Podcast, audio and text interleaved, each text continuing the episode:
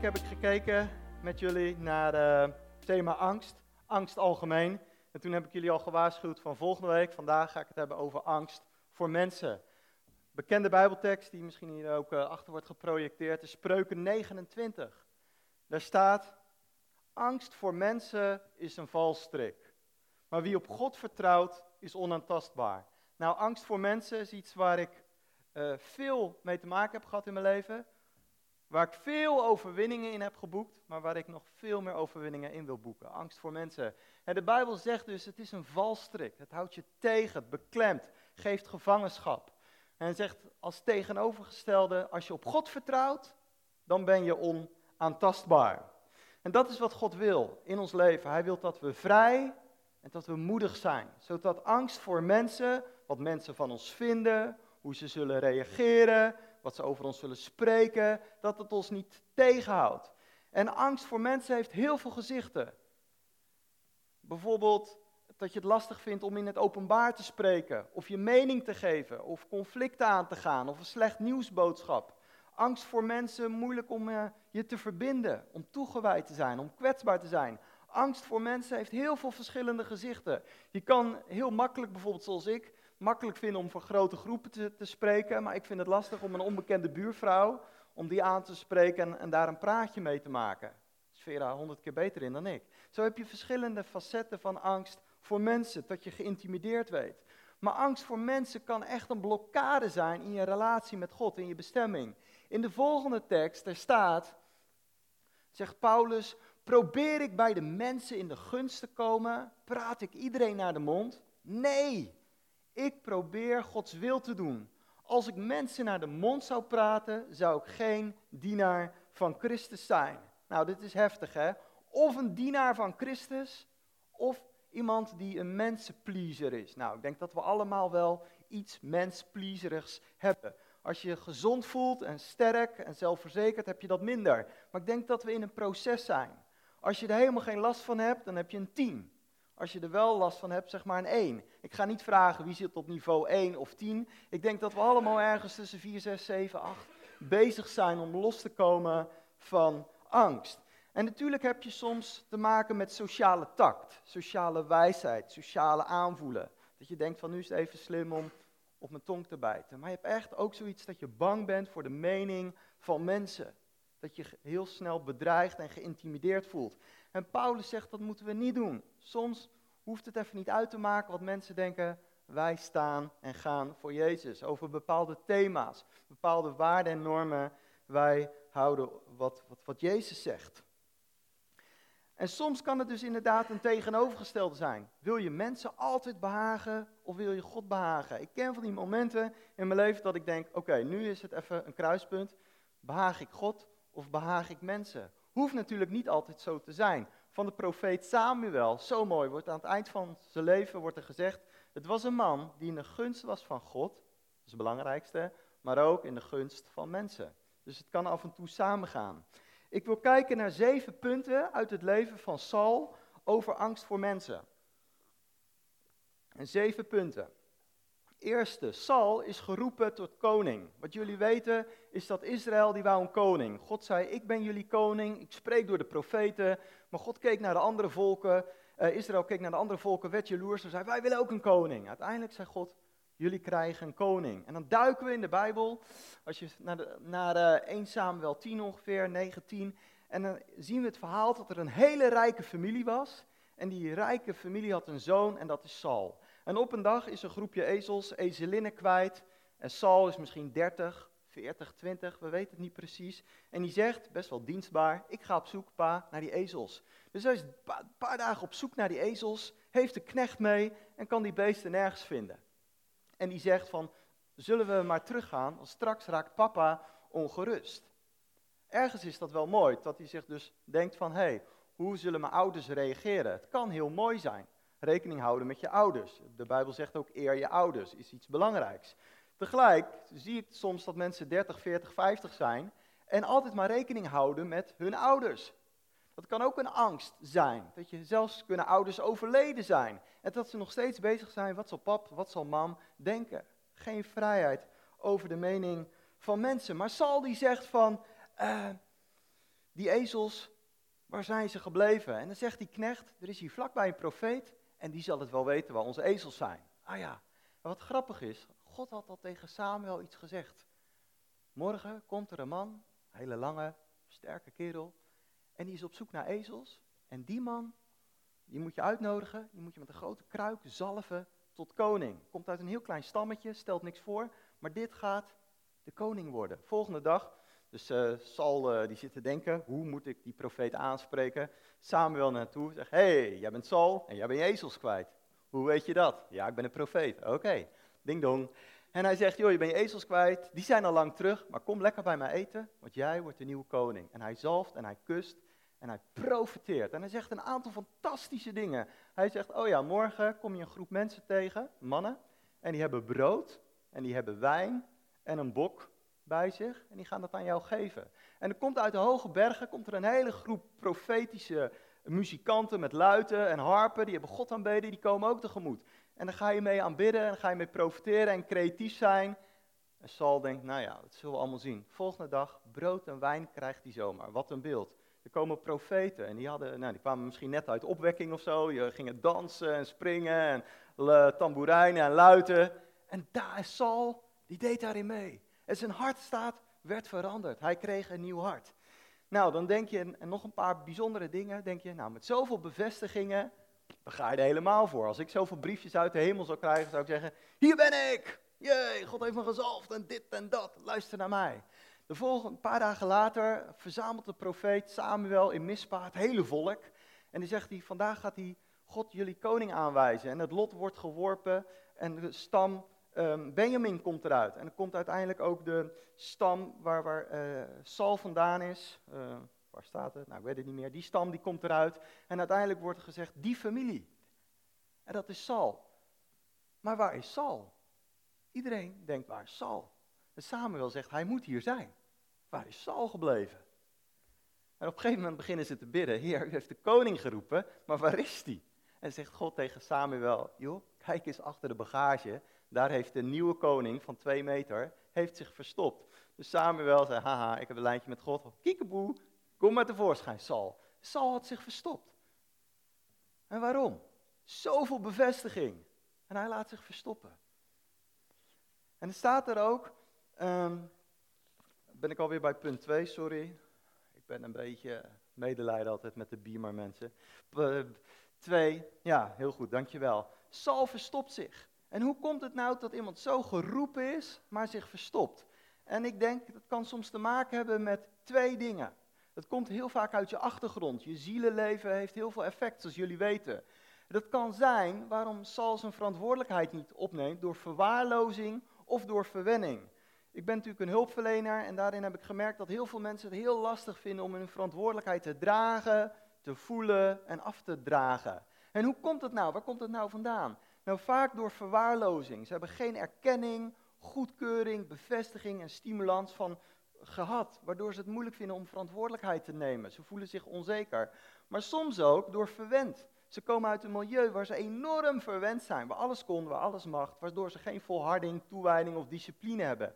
En eigenlijk is verwaarlozing en verwenning twee medailles van eigenlijk kindermishandeling. Want je leert een kind niet om, om, om vaardigheden voor de rest van zijn leven aan te leren. Het is een vorm van mishandeling. En dat zie je eigenlijk ook bij Saul. Hij verstopt zich. En misschien kan het wel zo zijn, omdat er staat in de Bijbel, toen uiteindelijk Saul gezegend was en een paar soldaten kreeg, dat er een aantal mensen eromheen waren en die hadden zoiets, oké, hebben we eindelijk een koning, heeft God die uitgekozen. Verdorven mannen, zegt de Bijbel. Dat wordt nooit wat. Kan hij ons redden? Kan hij ons helpen? Dat was maar een klein groepje. Maar kan het zo zijn dat Saul zich daardoor geïntimideerd voelde? Dat hij dacht, Jantje en Pietje van de straat, als, die, als ik denk dat, dat ik koning ben, dan, uh, dan uh, ja, die zullen dat nooit eh, accepteren. Dat hij zich geïntimideerd voelde. Pas was wel iets grappigs voor mezelf in mijn identiteit. Ik heb een tijdje geleden met, met Bernard een leuk filmpje opgenomen. En nou ja, ik had het een beetje van tevoren voorbereid over een mooi verhaal in mijn, in mijn leven met God. En weet je wat ik dacht? Ik dacht niet eens van op een gegeven moment hoeveel mensen worden hierdoor gezegend of hoeveel mensen kan dit geloof versterken. Op een gegeven moment dacht ik aan drie personen, dat ik dacht, shit, straks vinden zij het helemaal niks. Straks gaan ze dat filmpje van mij, een persoonlijk intiem verhaal met mij en God en Vera, afkraken. En uiteindelijk was ik meer bezig met die kleine groep mensen, wat die van mij dachten, dan die honderden mensen of die mensen die hopelijk gezegend gaan worden door dat filmpje. Raar hoe dat werkt in je denken. En dan mogen we weer bij God komen om daar vrij van uh, gemaakt te van worden. Maar Saul voelt zich geïntimideerd en gaat zich daardoor verstoppen en neemt geen leiderschap. En denkt, we zijn allemaal geroepen tot leiderschap. Leiderschap in je werk, leiderschap over je kinderen, leiderschap misschien binnen een taakgroep in je gezin. We hebben allemaal een vorm van leiderschap.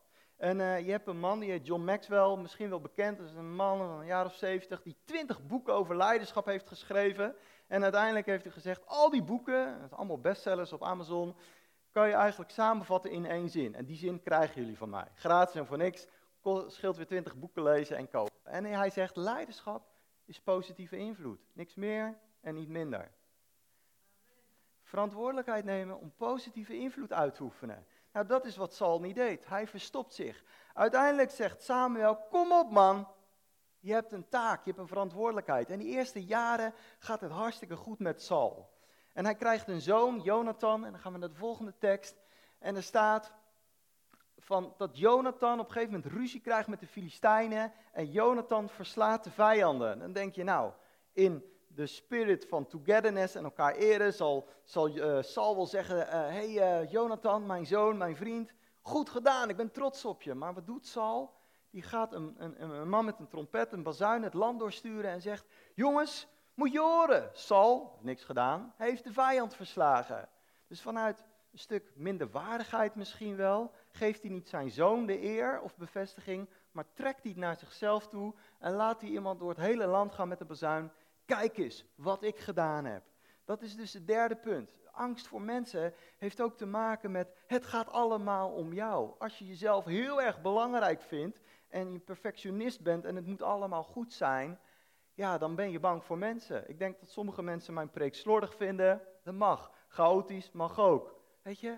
Maar als je, daar, als je eh, jezelf te belangrijk vindt, dan komt die angst van mensen. Dat is het derde puntje.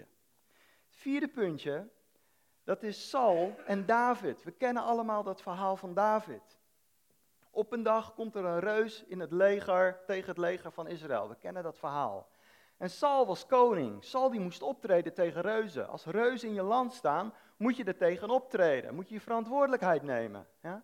We hebben allemaal reuzen in ons leven. Je kunt niet zeggen, Heer, geef me een reuzeloos leven. Nee, sommigen van jullie hebben wel 10, 20, 30 reuzen in je leven verslagen. Sommigen zijn bezig in een gevecht met reuzen. Samen met God zijn we geroepen om reuzen te verslaan. Hij wil ons sterk, moedig en vrijmaken om reuzen te verslaan. Velen van jullie gaan nog heel veel reuzen verslaan. We zijn geroepen om de obstakels in ons leven en van anderen te verslaan. En Saul, wat doet Saul? Jongens, we hebben een grote reus die tegen ons staat.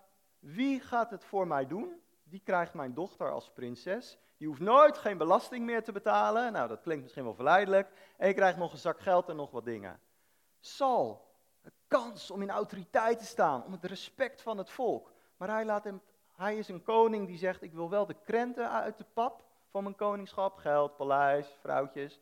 Maar de, de, de hete kastanjes, de moeilijke dingen laat hij aan iemand anders over. Die zegt, wie wil het vechten met die reus? Krijg je wat geld? Dan geen belasting meer. Uiteindelijk komt David. En David was natuurlijk een man van aanbidding. Hij was getraind in de intimiteit met God. En David zegt, in de naam van God ga ik ehm, die reus uh, te pakken nemen. Ik doe dat niet omdat hij het zo leuk vindt om reuzen te verslaan, maar David had een visie, en dat weten we, wel vaker over gehad. Ik wil niet dat de vijand gaat spotten met de naam van onze God. En daarom ga ik die reus verslaan. En ik las een keer een boek van iemand, en die, die eigenlijk best wel, uh, ik dacht altijd, het is een hele moedig, brave persoon.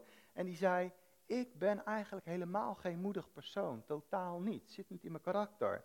Maar ik heb geweldige, moedige dingen gedaan. Waarom? Omdat ik visie en overtuiging had. Ik had visie en overtuiging. Daarom moest ik wel af en toe moedig zijn. Ik had een visie waar ik heen wou. Ik had een overtuiging. En daarom moest ik wel moedig zijn. Ik dwong me, ik hielp me om samen met God moedig te zijn. En ik denk, David was misschien ergens wel moedig, maar ergens ook helemaal niet. Maar had een overtuiging. En daarom had hij niet zoveel last van vrees voor mensen. En David was een man die God vreesde.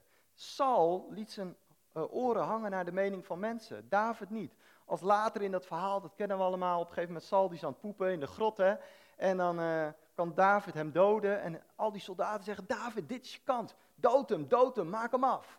Hele groepsdruk op David. En David in zijn eentje, zijn hart bonste.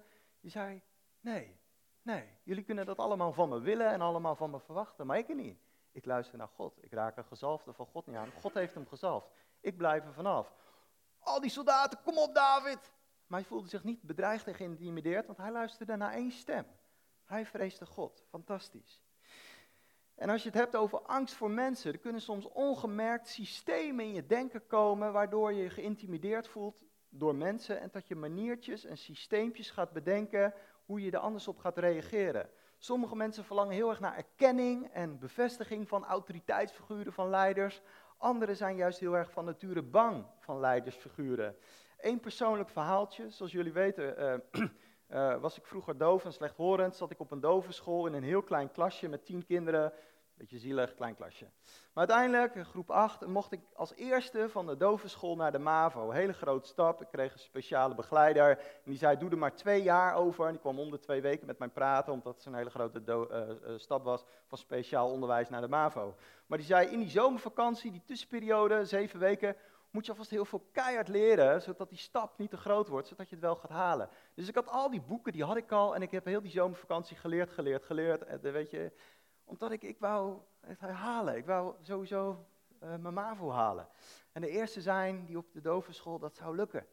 Maar er was één probleem, ik had mijn Franse boek had ik nog niet gekregen. En uh, uiteindelijk hadden we dus uh, eerst de Franse les. En dan hadden tien woordjes en die moesten we dan vertalen. Bonjour, hallo, au revoir, tot ziens. Ik vond het vreselijk moeilijk. Echt vreselijk moeilijk. En toen, uh, een, week later, wat deed die man? Dat was een hele lange man. Uh, meneer Kortehoeven heette die, heel lang, kale kop, sterke beer. Die gaf gelijk een SO, die gaf gelijk een tentamen. En ik had een nul of, of een 1. Op zich niet zo erg, maar wat gebeurde er? De volgende week in de les moesten ik en Arjan, want die had ook een 1, die moesten opstaan. De rest had allemaal een 10, want ja, met hele makkelijke woordjes. Als je een paar keer op vakantie bent geweest met een stokbroden voor je ouders hebt gekocht op de camping, dan ken je die woordjes. Maar ik had bij Odevar, had ik volgens mij ooievaar opgeschreven. Ik snapte er niks van, ik begreep helemaal niks van. Maar die man, die zat me publiekelijk af te zeiken. Die had zoiets, nou, en eh, als het zo begint het jaar, dat kan toch niet? En één, hier had je alvast een 10 kunnen halen, straks komen de moeilijke testen en toetsen. En ik werd bang voor die man. En die man, dat is echt gek, die had ook een uh, blauwe jeep en er zat soms een herdershond in, echt waar. En als ik naar schoolplein ging, keek ik al in de verte of ik die jeep zag, weet je. En als die er niet was, wat gelukkig vaak zie ik dan, weet je. En Arjan, die andere gozer die een één had, die maakte een besluit en die zei van, ik ga bijna nooit meer naar die Franse lessen. Scheid, weet je, gekke vent. Ik laat het vallen zo snel ik het kan vallen. En die was goed in wiskunde en natuurkunde en die denkt van, uh, ik, kan het wel compenseren. Maar ik was dat helemaal niet. En ik maakte een besluit, ik zal die man nooit, maar dan ook nooit meer een reden geven, waardoor die ook maar enigszins negatief over mij kan zijn. Ik begon dat Frans te leren, joh, van binnen en van buiten. En we hoefden het niet te praten, alleen die woordjes te vertalen. Nou, al die andere vakken vond ik niet interessant, al die woordjes. Ik kende ze in Frans tot Chinees, kende ik die woordjes. En ik haalde tienen, tienen, tienen, tienen, tienen achter elkaar. Na een jaar werd ik zijn lievelingsleerling, uh, uh, uh, natuurlijk. En ik leerde het en werd een voorbeeld. En wat zo grappig was, bij jaar drie kan je eindelijk Frans laten vallen. Iedereen liet het vallen en ik zat met vier andere meisjes in een klein klasje met z'n vijven. En ik maar stampen, stampen. Op zich, ik had een heel hoog cijfer, maar in mijn systeem kwam zoiets, als ik leiders please en precies doe wat ze zeggen en doen van me vragen, dan krijg ik geen pijn, dan heb ik geen last en gaan ze maar niet zeiken. Dat werd een systeem wat ik een paar jaar geleden, toen met die burn-out echt achterkwam, van hé, hey, ergens is er een mechanisme wat ik zelf heb gedaan, omdat ik die pijn en die angst en dat verlies van, van veiligheid niet wou voelen. Nou, weet je wat zo mooi is? Dat God dan zegt van, ik ben jouw Franse leraar, ik ben jouw baas. En als je mij vreest en mij hoogacht, dan heb je niks en niemand te vrezen. En dat is een leerproces waar ik in ben en nog steeds aan het leren ben. Dan heb je puntje 5, dan heb je dat Sal in paniek is. Een angstig persoon is vaak ook in paniek. Samuel zegt tegen uh, Saul van, Sal, ehm, er is weer oorlog, maar over een week dan kom ik en dan gaan we samen een brandoffer voor God doen. Wacht een week, dan kom ik. Nou, als er, als er een heel groot leger staat, kan een week lang duren. En Saul wacht en wacht en wacht en op een gegeven moment die zevende dag in die ochtend heeft hij zoiets, bekijk het maar, ik ga zelf een brandoffer doen. En dan komt, Saul weer, uh, komt Samuel weer aan en zegt Samuel, joh, waarom heb je dat al gedaan? Je bent geen priester. En dan zegt Samuel, ja, er gingen, uh, Saul zegt, er gingen mensen weg. Ik stond er alleen voor, ik was in paniek en daarom heb ik het gebod van God ongehoorzaam geweest. Door angst kan je in paniek slechte dingen doen. Angst is een slechte raadgever. En daar, door angst en paniek, ging Saul ook niet meer luisteren naar de geboden van God, maar ging zijn eigen dingen doen tegen God. En dan zegt Samuel, dan zegt God, ik heb er spijt van dat ik deze man koning heb gemaakt. En je ziet dat Saul aan het huilen begint. Hoofdstukken lang is Samuel aan het huilen over het koningschap, over het koningschap van Saul. En God zegt van, hij had een kans, maar hij luisterde meer naar mensen dan naar mij. En dan gaan we iets verder. Saul, die is dan steeds meer afgedraaid eigenlijk van God en loopt alleen. En we weten van Saul dat hij op een gegeven moment als David komt, dat hij speren gooit naar, naar David. Waarom gooit iemand speren naar David? Als iemand heel onveilig is in zichzelf, heel onzeker, dan gaat hij vaak intimiderend zijn. Dan gaat hij speren gooien naar een ander. Saul was zo bang voor iedereen en alles, voor zijn positie, voor zijn reputatie, voor zichzelf, dat hij speren gooide naar David. Hij was een leider die speren gooide. Om te controleren, om te overheersen, om te manipuleren, te controleren, te intimideren. Saul bouwde zijn eigen koninkrijk. Hij begon zo goed, maar hij bouwde zijn eigen koninkrijk en gooide speren naar David. Maar David bleef trouw naar God. En er zijn mensen die vaak vanuit eigen onzekerheid en eigen pijn speren gooien. Van controle, manipulatie, overheersing. Maar David zei, gehoorzaamheid aan God, dat geeft vrijheid. En David bleef trouw. Dan gaan we iets verder, ik ben weer de sheets kwijt, maakt niet uit. In 1 Samuel 15, dan zegt Samuel tegen Saul van, joh, als ik je een gebod geef, dan moet je eraan houden. Dan moet je ernaar luisteren. Je hebt het net niet gedaan. Als ik zei, wacht zeven dagen, bouw je je eigen, uh, eigen offer. Niet meer doen. En dan zegt David, uh, Saul, Samuel tegen Saul, krijg een nieuwe opdracht. Er zijn Amalekieten, dat zijn vreselijke tegenstanders, die vooral de vrouwen en de kinderen als eerste aanpakken. Die moet je helemaal in de pan slaan. Dieren erbij, alles. Zelfs de koning hakt zijn kop eraf, want het is een vreselijke tegenstander. Ga je dat doen, Saul? Ja, beloofd. Dan kom ik dat controleren. Een periode later zegt Samuel: Jongens, waar is Saul? Waar is onze koning? En dan zien we in 1 Samuel 15, vers 12. Dan zien we Saul. En weet je wat Saul aan het doen is op dat moment? Hij is een monument voor zichzelf aan het maken. Saul maakt een standbeeld voor zichzelf. In plaats van dat hij gehoorzaam is aan God, maakt hij een standbeeld voor zichzelf. En is dat een beeld van onzekerheid, van ik ben toch iemand, kijk eens een standbeeld. Is dat eer, zelfambitie? Het is niet erg om zelfverzekerd te zijn. Het is niet erg om uh, moedig te zijn of blij en trots en dankbaar te zijn wat je bereikt hebt voor God. Maar um, um, als het allemaal op jezelf is gericht en om zelf te eren, daar heeft God echt een probleem mee. Zelf uh, hou ik van boeken, ik lees veel boeken en soms kom je wel eens hele goede boeken tegen dat, dat de schrijver op de voorpagina een heel grote foto van zichzelf plaatst. Kennen jullie dat wel uit Amerika? Dan heb je zo'n foto over uh, uh, God is goed en dan hebben ze een hele grote foto van zichzelf. Ik heb er zo verschrikkelijke hekel aan, dan koop ik eigenlijk dat boek niet al. En tot op een gegeven moment ik daarover aan het bidden was, en toen zei God van, joh, laat het, had ik het idee dat God zei, laat het los. Het gaat heel erg over, waarom doet iemand dit? Oh, is het van, kijk eens hoe mooi en fantastisch en knap en goed ik ben. Nou, dan heeft hij wel iets met God uit te vechten. Maar is het gewoon van ja, we hebben al zo vaak zo'n bloemetje en zo'n kruis op de voorkant gezien, nu doen we iets anders. En iemand is niet, is nederig, dan is het een heel ander verhaal. Nou, op een gegeven moment, Saul heeft dus een standbeeld voor zichzelf gemaakt. En Saul heeft een aantal tegenstanders verslagen, maar niet iedereen. En op een gegeven moment komt Samuel weer tegemoet. Samuel, geweldige profeet, die waarschuwt, die corrigeert, die elke keer tegen Saul zegt, jong, Blijf God nou dienen. Blijf God vrezen. En doe nou niet elke keer je eigen ding. En op een gegeven moment komt Saul er weer naartoe. En dan zegt Saul: Ik heb gedaan wat je vroeg. Ik heb gedaan wat je, wat je van me vroeg. En dan zegt Saul, bijna spottend: Echt? Wat hoor ik dan? Ik had gevraagd om alle dieren af te maken van de tegenstanders. Wat hoor ik voor geluid van dieren?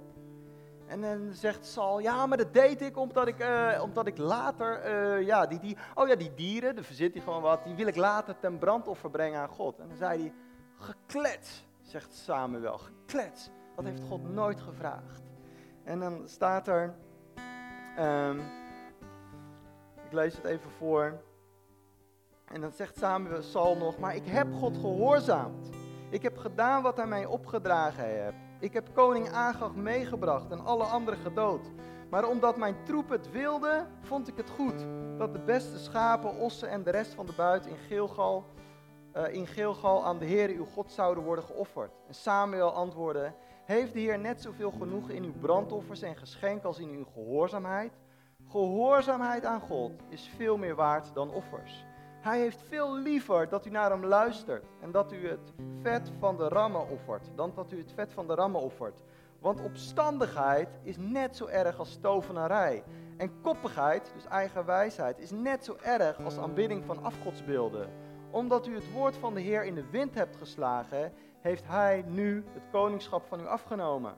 Saul zegt in 1 Samuel 15, vers 22 zoiets: Ik heb gezondigd. Ja, ik heb het gebod van de Heer en uw aanwijzingen niet opgevolgd, omdat ik bang was voor het volk.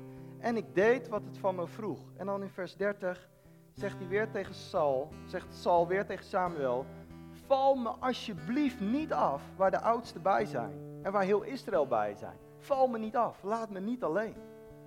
Het ging Saul echt om de buitenkant. Val me niet af bij leiders. Val me niet af. Mijn reputatie, mijn imago, mijn status. En dan zegt hij ook: Ik heb gedaan wat het volk van me vroeg, in plaats wat God van hem vroeg. Hij was bezig met de buitenkant in plaats van de binnenkant. En dan zegt Samuel, die zegt op een gegeven moment: Vroeger was je klein in eigen oog. Vroeger was je klein in eigen oog. En je kan het op twee manieren uitleggen. Vroeger was je klein in eigen oog. Je kunt zeggen, dat was, hij was nederig.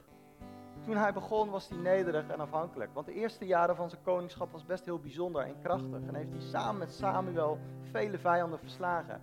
In het begin was hij bescheiden en afhankelijk. Je kunt ook zeggen, klein in eigen oog, dat heeft te maken met minderwaardigheid. Doordat je zo minachtend over jezelf dacht en eigenlijk Jouw angstprobleem was een identiteitsprobleem. Jouw angstprobleem was een probleem met God. En daardoor ben je niet gegroeid. En dat doet me denken aan de, de verspieders die die reuzen zagen.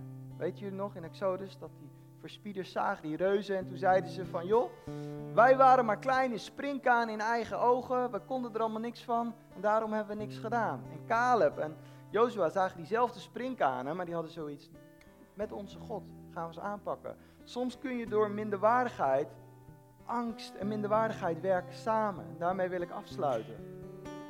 Van dat je eigenlijk niet zo goed weet wie je bent. En wat Christus voor je gedaan heeft. En wat je mag zijn. Zodat angst voor mensen een hele grote plaats uh, in je leven hebt. En daarom denk ik goed, ben ik blij met de cursus die gaat komen. Geef je op, bezoek het. Het is goed om te groeien in je wortels. Dat je sterk wordt en dat angst voor mensen steeds minder grip krijgt op je leven. Bezoek de connectgroepen, heb vriendschappen. Zorg dat je daar je veiligheid vandaan hebt, zodat je minder geïntimideerd voelt. God wil ons genade geven, God wil ons kracht geven dat we niet zoals Saul zijn. Saul was geroepen en had de profetische woorden, maar angst voor mensen werd de valstrik. Daardoor kreeg hij niet zijn bestemming, daardoor kreeg hij niet zijn roeping. Hij deed, en dat, daarom is zijn koningschap afgelopen, wat mensen wouden. Hij gaf het toe. Ja, ik heb gezondigd. Ik deed alleen maar wat mensen van mij vroegen. En dan op het laatst vind ik zo shockend dat hij bijna smeekt aan Samuel. Samuel, het is niet erg dat mijn koningschap van mij afgevallen is, dat is dan maar zo. Maar ga het niet aan de bühne hangen, ga het niet vertellen. Het ging zo aan de buitenkant voor, voor Saul. En dan zegt God, ik kies David. David, als niemand naar hem keek, gewoon tussen de konijntjes en de schapen God aan het aanbidden was. En daar gaat het om. Ik geloof dat vrijheid heeft te maken met gehoorzaamheid. Als we gehoorzaam zijn, groeit de vrijheid. Als we aanbidden, groeit de vrijheid. Vrijheid over angst van mensen. En uh, ik wil bidden. Misschien kun je gewoon je handen open doen alsof je een geschenk ontvangt. Want God is een God van absolute vrijheid. Hij is zo groot, zo verheven, zo machtig. Hij kent geen stress. Hij kent echt geen mensenangst. Halleluja. Vader, ik wil u danken, Heer, voor uw geweldige grootheid. En wil u danken voor Jezus, de zoon van David. De koning uit het geslacht van David. Jezus, u kent onze angsten, u kent ons verleden, u kent onze geschiedenis. U weet waar we soms blauwe plekken hebben, waar pijnprikkels liggen, wanneer we ons bedreigd voelen of geïntimideerd. U kent ons helemaal. En u keurt ons goed en u heeft ons lief en u bemint ons en u zet ons hoog op een rots, zodat we sterk en veilig kunnen zijn. Vader, ik bid uw veiligheid over ons uit. En we willen dat onze roeping als gemeente, als kerk, daaruit komt. We willen doen wat u van ons vraagt. We willen ons niet geïntimideerd willen weten door, door de buitenkant. We willen gaan voor wat u zegt. Maar ook individueel, in ons leven, in ons gezin. Vader, willen mensen zijn die u vrezen. We willen dat u ons meeneemt om los te komen van angst van mensen, voor bedreigingen, voor mening, voor etiketten. Vader, maak ons los we willen geen sociale pleasers zijn. We willen dienaren van u zijn. Vader, werk door ons heen, door de gesprekken, door de ontmoetingen, door de, door de bidstonden. Heer, leer mij, leer ons om meer en meer vrij te zijn. We zijn geroepen tot vrijheid. Ook over dit thema, angst voor mensen. Jij bent gemaakt om vrij te zijn. God gaf zijn zoon naakt aan het kruis, zodat jij niet geïntimideerd hoeft te zijn door meningen van mensen. Zijn, zijn zoon gaf zich volledig. Als een, spektakel voor, voor, voor de geestelijke wereld. Hij dat het volledig, zodat jij helemaal vrij kan zijn van de mening van mensen. Van, vader, we bidden voor vrijheid.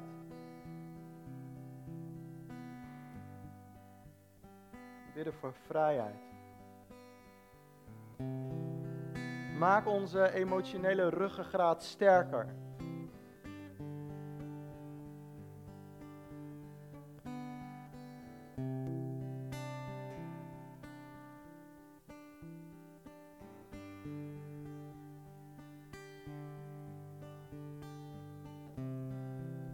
Ook het verdriet wat mensen ons hebben aangedaan, wil het bij u neerleggen.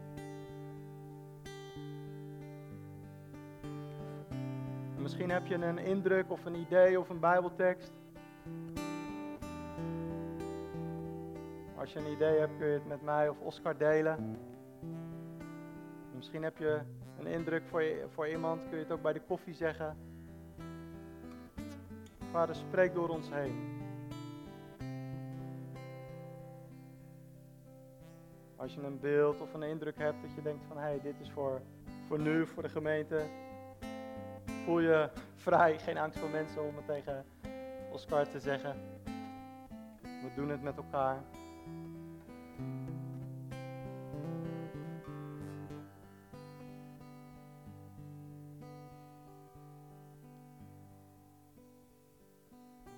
Misschien kan het gebedsteam hier naar voren komen.